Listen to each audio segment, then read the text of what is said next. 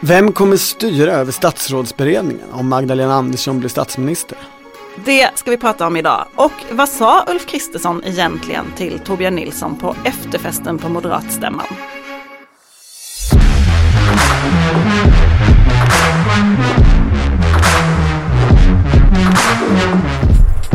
Det här är politiken med Annie Reuterskiöld, Maggie Strömberg och inte minst Torbjörn Nilsson. Om vi låter lite trötta så är det för att vi nyss kom hem från efterfesten på Moderaternas partistämma och nästa vecka är det kongress igen. Jajamensan. Socialdemokraterna, eh, de ska byta partiledare. Det är ju bekant. Ja, men många andra kommer ju också att få mäktiga poster. Mhm. Och jag tänkte att vi skulle börja med att prata om det mäktigaste av det mäktiga, alltså det mäktiga verkställande utskottet. Jag, jag googlade på det där faktiskt, eller sökte mig bakåt i arkiven. Första gången som jag kunde finna ihopblandningen mäktiga verkställande utskottet handlar om Nordkorea 1987. 1990 däremot så hade Expressen plockat upp detta och börjat använda det om Socialdemokraternas verkställande utskott. Alltså verkställande utskottet av partistyrelsen. Numera tror jag mest att det används lite ironiskt. Ja, Men dock fortfarande är det mäktigt. Vi ska också säga att Annie Reuterskiöld är inte här idag. Så det är bara jag, Maggie Strömberg och du, Torbjörn Nilsson, som är här. Och vi har ju hört rykten om att eh, valberedningens förslag till det nya verkställande utskottet ska släppas snart. Men det har det inte gjorts i alla fall när vi spelar in det här. Men en person som verkar ta plats i VU på kongressen är ju socialminister Lena Hallengren. Mm. Det kunde ju vår kollega Per Karlsson berätta i exakt. Svenska Dagbladet igår. Är det ett synd att du inte blev partiledare men tack för att du har jobbat så hårt under pandemin uppdrag? Ja, mest är det väl tack för att du jobbat så hårt under pandemin och visat dig duglig. Det är ju krångligt att förstå sammansättningen och tillsättandet av verkställande utskottet för det är så oerhört många olika kvoter och på vilka mandat man sitter. Om man är där eh, geografiskt eller inte om man är där för att man är facklig, om man är där för att man har varit med länge. Alltså om man Precis. tittar på dem så de som är riktiga verkställande utskottet, alltså ordinarie ledamöter. Det är Stefan Löfven, Lena Råström Båstad, alltså partisekreteraren. Hon är där för att hon är partisekreterare. Sen är Magdalena Andersson, Mikael Damberg, Lena Micko och Morgan Johansson. Också kallat lilla regeringen.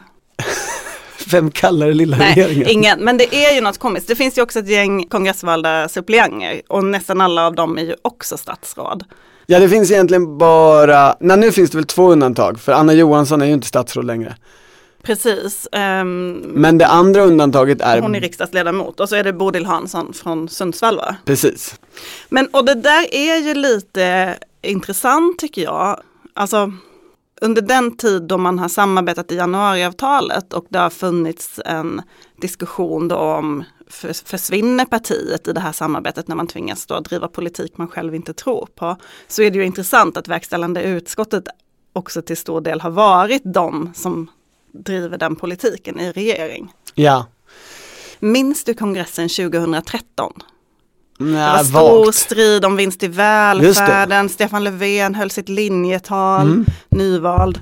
Tack alla socialdemokrater här i Göteborg som har gjort den här kongressen möjlig. Ni har gjort ett fantastiskt arbete. Jag var och hälsade på några här som höll på att packa kongressväskorna igår kväll. Ni tillsammans med alla andra. Då var det ju stor strid om VU-platserna. Det var också strid om partistyrelsen. Det var ju då Omar Mustafa kom in och det var Ja, stor... ja, eh, det var då. Det var Stefan Mm. Löfvens första kris kallades Ja, det var det. Mm. Eh, Men då fanns det också en stor disk- mångfald var hett på den här tiden. Det här var ju, eh, det här var ju eh, före 2015. Och det pratades mycket om representationen i både partistyrelsen och verkställande utskottet. Och man försökte tona ner den här geografiska biten som ju alltid är viktig i Socialdemokraterna och, och istället ägna sig åt andra saker. Det där valet, alltså att kongressen skulle välja de här blev ju uppskjutet för de kunde inte komma överens. De satt i hemliga förhandlingar. Det drog ut flera timmar och till slut kom de ut och sa att de skulle ändra stadgarna och sätta till alltså utvidga VU för att då få plats med alla, så det blev en plats till. Och det sa Karin Jämtin berodde på den höga arbetsbelastningen i verkställande utskottet, medan ungefär, hon var partisekreterare vid den tiden, medan alla andra sa att det här beror på eh, den höga konfliktnivån i Socialdemokraterna. Det låter som dåligt förberedelsearbete framförallt. Kanske så. Vem var det som kom in då? Det var ju då Urban Alin fick en suppleantplats. Um, Ja, det var mycket som hände. Ylva Johansson blev av med sin post i partistyrelsen. Sen var det stor strid om Veronica Palm precis efter. Det, det, var spännande i Socialdemokraterna vid den här tiden. Det var liksom bara bråk och mycket, mycket personbråk. Men, Men tillbaka till din poäng. Du, du hade en poäng här om att det är svårt för ett parti som Socialdemokraterna att bedriva någon slags partilinje om alla i verkställande utskottet sitter i regeringen och partilinjen ska avvika från regeringens linje, som ju har varit någon slags uttalad ambition under januariavtalet, mm. som du var inne på. Och det är ju verkligen fascinerande, för verkställande utskottet har ju snarare karaktären av ett halvt inre kabinett i regeringen. Och om de verkligen menade allvar med den där idén om att ha en parallell retorik och linje bredvid regeringen en, en, en mer aggressiv partilinje. Då hade det varit en poäng att ta in andra, men det gör man ju inte nu heller. Inte vad vi vet i alla fall. Nej, det ser inte ut så. Snarare så kommer man ju göra tvärtom, för man ska ju nu då det är på förslag att man ska ändra stadgarna så att vissa av sidoorganisationerna inte längre ska vara adjungerade, alltså få möjlighet att sitta med på verkställande utskottet. Och det är ju S-kvinnor, Annika Strandhäll som är ordförande där har varit upprörd över detta och pratat om det. S-studenter, deras hbtq-organisation och Tro och solidaritet. SSU ska få vara kvar? SSU kommer vara kvar. Men det här är ju också en, går ju i riktningen mot att det blir ännu mer ett regeringsorgan. Ja, men man kan ju också fråga sig så här, alltså om man tar regeringskrisen före sommaren eller under sommaren till exempel, då var det ju så här att verkställande utskottet hela tiden kallades in för att Stefan Löfven skulle ha möte med dem om hur han skulle agera framåt. Och det var diskussioner i verkställande utskottet, ska vi ha extraval eller ska det bli talmansrunder? Samtidigt så är frågan hur mycket ligger makten där och hur mycket ligger den egentligen kanske i statsrådsberedningen? Det socialdemokratiska svaret är att makten alltid ligger i statsrådsberedningen. Alltså det sanna svaret menar du? Det Eller? mäktiga statsråds, den, mäktiga den mäktiga statsrådsberedningen. För där kommer det ju också hända lite saker. Om verkställande utskottet är det ena maktcentrat så är ju statsrådsberedningen alltså kretsen kring partiledaren. Mm. Det andra. Ja. Och där undrar jag, vad kommer hända med de personerna?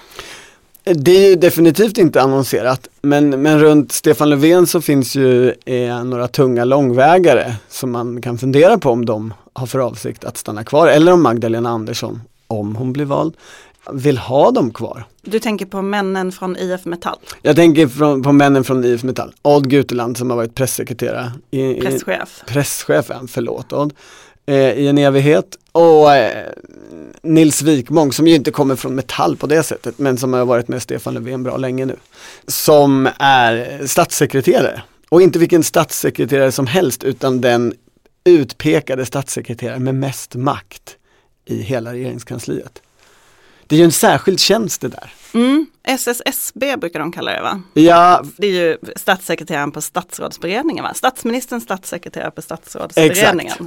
Då kan man tänka så här, eh, det är kort till valet och man kanske vill ha, liksom, regeringskansliets processer pågår, det kanske är bra att ha kvar samma folk. Det är ju ett sätt och se på det. Mm. Men om man tittar på den person som är närmast Magdalena Andersson idag, hennes statssekreterare Emma Lennartsson, hon har ju haft den där rollen tidigare, Exakt. men tvingats, tvingades avgå i Transportstyrelsen efter den skandalen. Hon var ju den enda som faktiskt fick gå på det till slut. Statsminister Stefan Löfvens närmaste medarbetare Emma Lennartsson avgår med omedelbar verkan. Och det verkar ju när man pratar med folk i Socialdemokraterna nu så verkar de flesta utgå ifrån att eh, Magdalena Andersson tar med sig Emma Lennartsson och hon får tillbaka den här rollen som den mäktigaste tjänstemannen i regeringskansliet. Mm. Varför är den så mäktig? Vad, vad håller den här personen på med? Per Nuder har en gång beskrivit hur han var på Mona Salins 40 40-årsfest och då hade han precis utsetts till den här rollen. Och då kom alla fram till honom och sa, vilken makt du kommer få nu Per. Nu kommer du bli så mäktig. Det är ju helt enkelt för att man är extremt nära statsministern och eh, man är inne i allt. Plus då att man har alla hemliga saker. Alltså är det någon vardagssituation för någon i regeringskansliet som på något sätt kan likna sån här utländska filmer och tv-serier om politik där det kommer in spioner, där någon blir mördad och det händer liksom sådana saker. Då är det möjligen, möjligen den här statssekreterarens vardag för den har liksom rikets säkerhet och sådana grejer hamnar där. Och eh, Per Nuder brukar ju också beskriva att han, eh, när man hade det jobbet som, Han var detta åt Göran Persson. Ja, eh, han var det åt Göran Persson. Det är ju, vi kan ta det, alltså det är ju en liten krets människor som har haft det här jobbet och som på något sätt nog har en, en särskild relation till varandra. Tittar man bakåt i tiden så är det Kjell Larsson, socialdemokrat under Ingvar Carlsson, Peter Egart, moderat, Hans Dahlgren, Per Nuder, Lars Danielsson, Janne Larsson, alltså Kjell Larssons son, där här arbetet gått i arv. Eh, Ulrika Schenström, HG Westberg, Gunnar Wislander, Emma Lennartsson och då Nisse Wikmom, eller Nils, som han väl är döpt till. Per Nuder beskriver det här jobbet som att det var ett jobb där man, om han någon gång gick med döttrarna och badade i ett badhus en timme, då var han tvungen att rapportera frånvaro så att säga. Jag är inte nåbar under närmaste 55 minuterna för jag är i ett badhus och jag är på den här platsen. Så det är ju ett speciellt jobb. Är man statssekreterare i statsrådsberedningen och chef för statsministerns kansli så är det naturligt att man för diskussioner om det mesta. Men om vi utgår från att Nils Wikmång slutar och Emma Lennartsson kommer in på det här jobbet.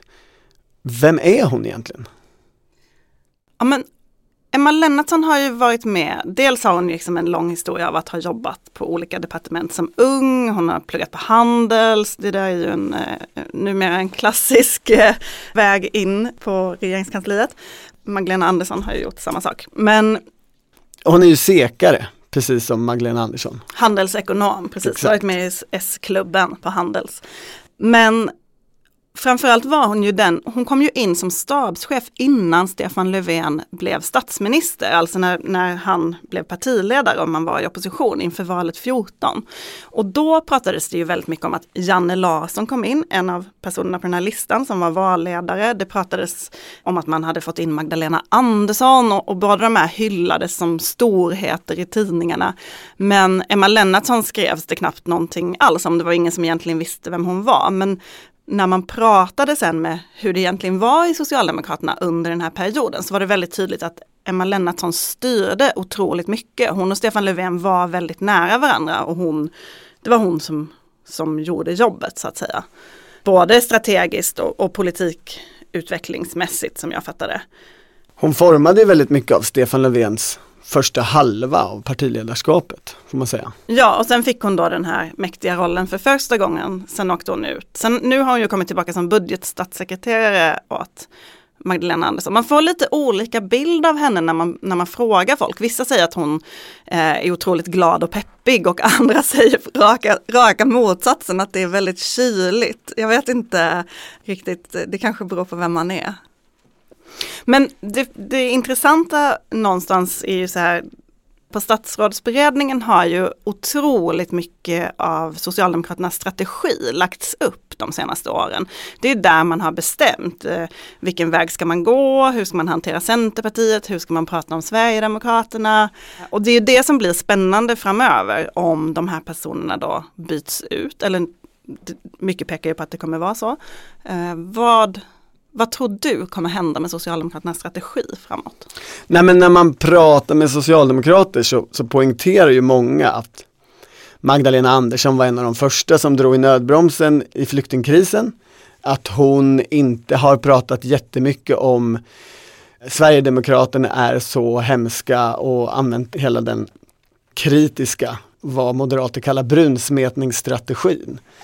Och det tycker jag är spännande för pratar man i, i fackliga kretsar så får man ju höra exakt samma sak om Tobias Baudin. Som ska bli partisekreterare. Precis. Alltså att han har aldrig varit bekväm i den där SD-rasister. Han tror inte på att man vinner val eller vinner tillbaka väljare som har lämnat Socialdemokraterna för Sverigedemokraterna genom att peka på att partiet är hemskt. Skrämmas med SD, det är inte, det är inte Baudins idé. Nej. Det accepterar inte vi. Vi tar inte det. Det går inte. Det accepterar inte. Vi tar inte det. Det går inte. Det accepterar Vi tar inte det. Det går inte. Det går inte. Vi tar inte det. I helgen var det moderat partistämma i Helsingborg. Det var det. Förlorade partiledningen eh, på några punkter. Eh, det gjorde de, men jag tror inte att de förlorade något som gjorde jätteont, förutom möjligen för Beatrice Ask nu när de har bestämt sig för att avskaffa länsstyrelserna. För hon är väl landshövding, är hon inte? Jo. Ja. Eh, men den stora frågan som folk var nyfikna på inför var ju det här med arbetskraftsinvandringen. Mm. Vad hände egentligen med den frågan? det var ju många turer. Om man ska liksom djupdyka ner i förhandlingar på, på stämmor och kongresser så är det här ett utmärkt exempel. Alltså sidorna är Moderata ungdomsförbundet. De vill ha en liberal arbetskraftsinvandring. De vill ha en låg gräns för hur mycket man måste tjäna för att få komma hit och jobba. Idag är den på 13 000. Det är ju lågt. Det är lågt. De ville helst ha kvar det eller kanske 20 000. Mm. Partiledningen ville ha 33 000 och inför stämman, så för att få med sig ett antal partidistrikt så förhandlade MUF med några distrikt, förlåt det heter länsförbund i Moderaterna, samma sak, eh, fram en nivå runt 25-24, någonstans där. Och det tänkte man var en kompromiss som kunde vinna en majoritet. Sen ska det här förhandlas ordentligt när det blir eh, stämma på stämmans första dag i ett utskott. Mm. Då eh, stänger folk in sig som är representanter från olika delar av landet i det här utskottet och så ska man prata om detta och komma fram till vad som är en rimlig kompromiss. Och det här utskottet höll ju på jätte, jättesent på torsdagskvällen.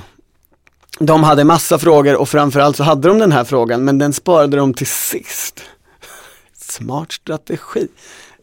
Så när man kom dit så var ju ungdomsförbundsrepresentanterna och de som var lite stridssugna ganska möra och accepterade fort en nivå på 27 000. Mm -hmm. Vadå, de gav upp liksom i utskottet? Ja, eh, det fanns partirepresentanter som reserverade sig. Mm. Västra Götalands representant till exempel. Men det gjorde inte MUF. Sen gick alla hem och sov eller om de gick ut och drack sprit. I vilket fall, dagen efter ska det här liksom börja debatteras. Då har MUF plötsligt, trots att de inte har reserverat sig, så säger de det här är vi inte med på. Och så går alla upp i talarstolen och säger 27 000, det går bara inte. Det är alldeles för konservativt, vi måste ju värna eh, näringslivet. Näringslivet vill ha så lågt som möjligt. Och så har de tryckt upp t-shirts där det står rädda arbetskraftsinvandringen. Och hade det inte varit för att de hade gjort bort sig kvällen innan så hade de säkert fått med sig många i partiet. Men det som hände också var ju att det var ju en person i utskottet som hade reserverat sig. Ja, de från Västra Götaland. Och de, gick, de yrkade ju på detta. För det kunde man höra muffare gå och prata om där innan den där debatten. Att det kanske kommer ett yrkande och då kan vi byta fot igen. Och ja. det gjorde de ju. Ja. Och det roliga här var ju att då blev ju folk i partistyrelsen och andra, de blev otroligt arga på MUF. Ja. Och de gick upp och skällde på MUF. Ja, då blev det en principfråga. Otroligt eh, starkt framförd av eh, borgarrådet Dennis Vedin. Kan man skaka hand med MUF eller inte? Man kan inte lita på vårt moderata ungdomsförbund. Står de vid sitt ord som de sa igår kväll eller gör de det inte? Principfrågan om huruvida man fick ändra sig var den som gjorde att Moderata ungdomsförbundet förlorade den här striden. Och MUFs ordförande eh, Matilda Ekeblad gick ju också upp och höll ett, eh, ett, vad ska man säga, hon var liksom eh, både på något sätt kränkt och stoisk när hon förklarade varför hon gjorde som hon gjorde och att partiet inte kunde tala så illa om henne från talarstolen. Att det handlar inte om henne utan det här handlar om arbetskraftsinvandrarna.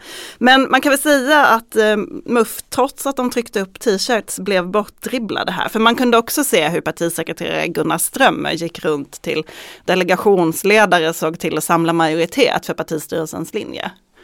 MUF vann ju däremot mot partiledningen den här idén att man ska på sikt avskaffa länsstyrelser och det var alldeles uppenbart att Gunnar Strömmer tyckte att det var en mycket enklare förlust eh, eftersom det sannolikt aldrig kommer hända än en principförlust i arbetskraftsinvandringen där det för partiledningen är viktigt att signalera konservatism eller hårda tag. Det fanns ett otroligt starkt moment i den här debatten där Victoria Sköld från Moderata ungdomsförbundet gick upp och citerade låten Sverige jobbar. Då lämnar jag ordet till Victoria Sköld från Östergötlands län. Varsågod. Jag är invandraren som har fått mitt första jobb utan att tala ett enda ord svenska. Jag är invandraren som fått sitt första jobb utan att kunna ett enda ord svenska och studenten som uppfinner en ny skruv och startar ett nytt ABB. Det är vi som bygger Sverige. Det är vi som bygger Sverige. Så avslutas första versen i MUFs historiska hitlåt Sverige jobbar. Och jag är säker på att det är många av er, och speciellt er i partistyrelsen, som skrikhungit den in på sentimmarna. Och jag tänker att eh, den här historiska hitlåten som Victoria Sköld kallar den, vilket den väl är i, i, en smal krets, den säger en del om utvecklingen inom Moderaterna. Det här är ju nya Moderaterna när det står på sin höjd. Och eh, ideologin är att alla jobbar. Ja, det, det, är helheten Det i är ju inte ideologin längre. Det blev ju väldigt tydligt på den här stämman. Alltså jag tänker till exempel på synen på eh, integration. Där mm. Moderaterna ju tidigare har utgått ifrån att så länge du jobbar, så länge man kommer i arbete så kommer integrationen lösa sig. Man hade integrationsministern satt på arbetsmarknadsdepartementet och, och allt handlade om att jobba. Nu har man ju istället en helt annan syn där man dels tycker att språket är jätteviktigt, så det här utan att tala ett enda ord svenska är liksom inte längre okej okay i Moderaterna. Man vill ju införa ett språkmått för att kunna mäta integration. Dessutom så i de här handlingarna, eh, det man tog beslut om, så skriver partistyrelsen om att även om du jobbar och talar svenska så behöver inte det betyda att du är integrerad, utan det handlar också om kulturfrågor som är svåra att mäta. Så hur liberalt var det egentligen på den här stämman skulle du säga? Ja, men eftersom partiledningens på flera, många punkter mer konservativa inriktning och retorik helt och hållet backas upp så, så var det ju frid och fröjd. Men det som gjorde att det var riktig frid och fröjd var ju att partistyrelsen också tillät en synnerligen liberal debatt. Alltså lyssnade man på diskussionen så var det många som poängterade sänk skatten, sänk skatten ännu mer. Det fanns en diskussion om barnomsorg redan från åtta månader. Det kan väl inte kallas konservativt riktigt. Och överhuvudtaget ett sånt kom inte hit med statens klåfingrighet. Förutom då när det gäller migranter, brott och straff och de som inte sköter sig. Jag tyckte det kändes som att skiljelinjen i Moderaterna när man satt och lyssnade på debatten gick mellan de som tycker att det är nödvändigt att sätta upp övervakningskameror men lite jobbigt och de som tycker att det är nödvändigt och underbart att sätta upp övervakningskameror. Ja. Och det fanns liksom verkligen båda sidor här. Ja. Um, men jag har en tanke om varför det var så enigt på den här stämman. Berätta. Jo men när man pratar med folk i partiledningen så beskrev de hur man under pandemin har kunnat förankra på ett helt annat sätt för att man har haft de här digitala mötena. Där man har kunnat liksom samla folk mycket mer, alla har kunnat komma. Det har inte varit någon eh, långt från Stockholm som inte hann ta tåget och var sur för att de bestämde något utan att den hade insyn.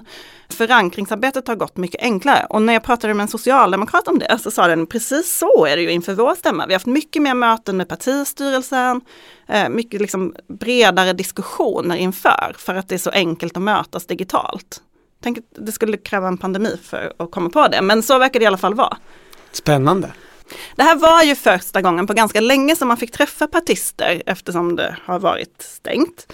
Och vi har ju en arbetsmetod som inte alla journalister tycker är helt ortodox kanske, men som ändå är att ta sig in på eh, efterfesten på kongresser och stämmor. Det är ju produktivt. Ja. Precis, man kan ju få ut lika mycket på en kvart som man kan få på resten av stämman. Ja, berätta. Det som hände i alla fall på Moderaternas efterfest, förutom att vi såg Irene Svenonius dansa, var ju att eh, ganska snart efter att coverbandet hade gått upp och börjat spela så kom Ulf Kristersson ut ur festsalen. Han, han verkade gilla mer att dricka öl än att dansa om man säger så. Um, och då kom han till baren där vi stod och uh, skulle mingla lite.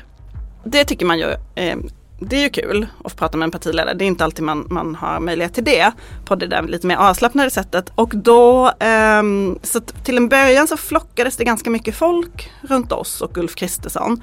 Men sen började du Torbjörn prata med Ulf Kristersson om Gustav Möller. Ja, just det. Den gamla socialministern. Ja, men det är ett favoritämne och, för, för Ulf Kristersson. Och sen gjorde ni det. Och ni gjorde det jätte jättelänge. Så ganska snart var det liksom inga människor runt er. För att det var ingen som ville höra på er, er liksom diskussion om Gustav Möller. Vi pratade och, om eh, annat också. Eh, Ernst Wigforss memoarserie och vilket band som är bäst. Um, jag brukar ibland skämta att du, om att du och Ulf Kristersson är ganska lika i er liksom, förtjusning i att läsa böcker som ingen annan läser. Men eh, det blev liksom väldigt tydligt på den här efterfesten. Men man får ju bra svar när man pratar om sånt. Bra förståelse för människor. Vi diskuterade ju bland annat hur det gick till när eh, Tage Erlander blev statsminister och hade tre jättetunga statsråd som ansågs bestämma allt. Och så sa jag så här, det skulle ju vara som om du nu blev statsminister och så hade du Anders Borg i din regering. Och bara ansiktsuttrycket på Ulf Kristersson när han föreställde sig denna tanke den var värd allting.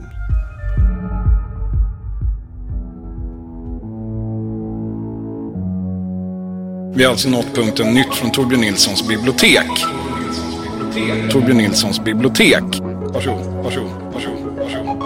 Det är ju halvtid i kongresssäsongen då. Tre partier har haft, fyra partier ska ha innan det är dags att fira jul. Mm -hmm. Och du har tagit med dig en bok på det här temat Torbjörn. Ja, Per Gahrtons legendariska bok med just titeln Partikongressen. Mm. Det är en, bok det är en som, roman, eller hur? Ja, det, till att börja med är det en roman. Det kan vara viktigt att poängtera. Är, det, eh, är det autofiktion? Mm, det är ju någon slags autofiktion, absolut. Den är skriven 1978, alltså när Per Gahrton var folkpartist. Den är skriven under pseudonym. Kan också vara bra att poängtera. Den handlar om Björn Trollman som är en partist, eh, streber på uppåtgående. Han ska på den här partikongressen väljas in i partistyrelsen. Hans väg dit ska vara via ett fantastiskt arbete inom politikområdet läkemedelsindustrin.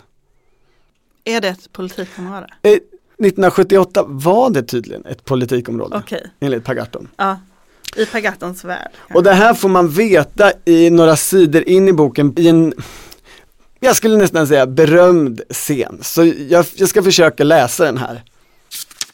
Fan min Lisa, jag älskar ju henne, men ändå är det ett ständigt kaos. När de satt med sina kaffekoppar och konjakskupor i barmörkret kom hennes hand smygande under bordet. Han såg sig om. Klockan var ju inte... För i helvete klockan! Han kastade en smygblick på ett väggur. Helvete, jag kommer för sent. Jag missar debatten. Åh, nu jävlar reser den sig. Lisa, min Lisa. Du är inte klok. Skål älskling, sa Lisa Trollman 34 och höjde glaset med sin lediga hand. Med den andra höll hon som bäst på att knäppa upp gylfen och plocka fram en medelstor manlig könslem tillhörig Björn Trollman 35. Plats Sheratons bar. Tid Torsdag den 7 maj klockan 15.00. Partikongressen hade just återupptagit sina förhandlingar. Ämne läkemedelsindustrin.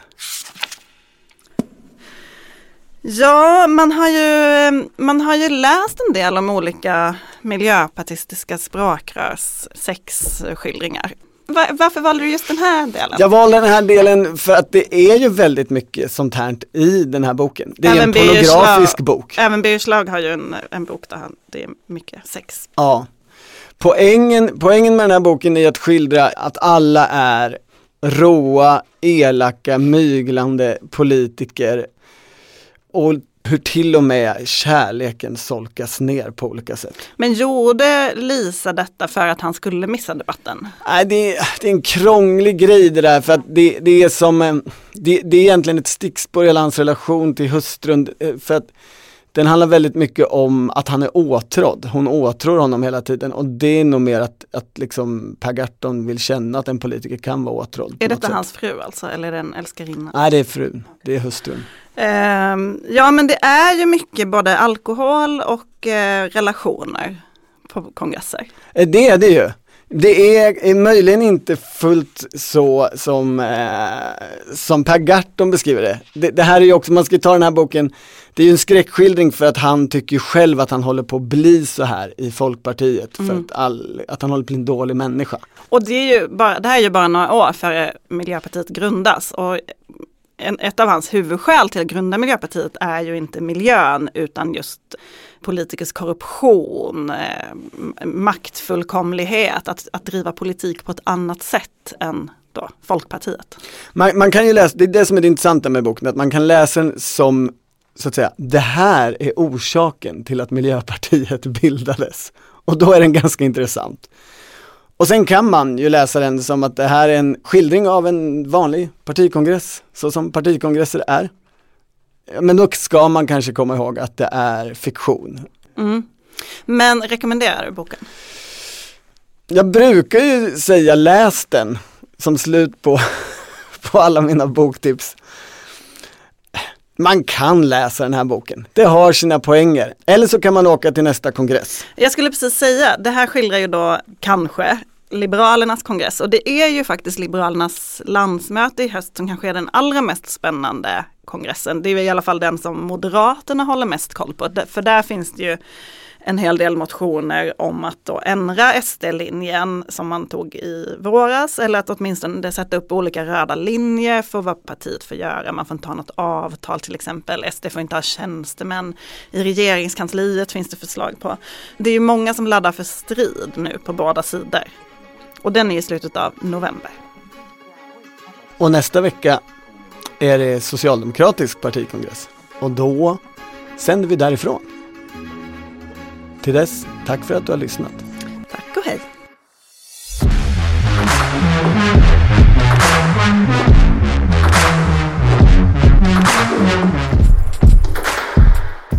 Du har lyssnat på Politiken, en podd från Svenska Dagbladet. Ansvarig utgivare är jag, Anna Kareborg.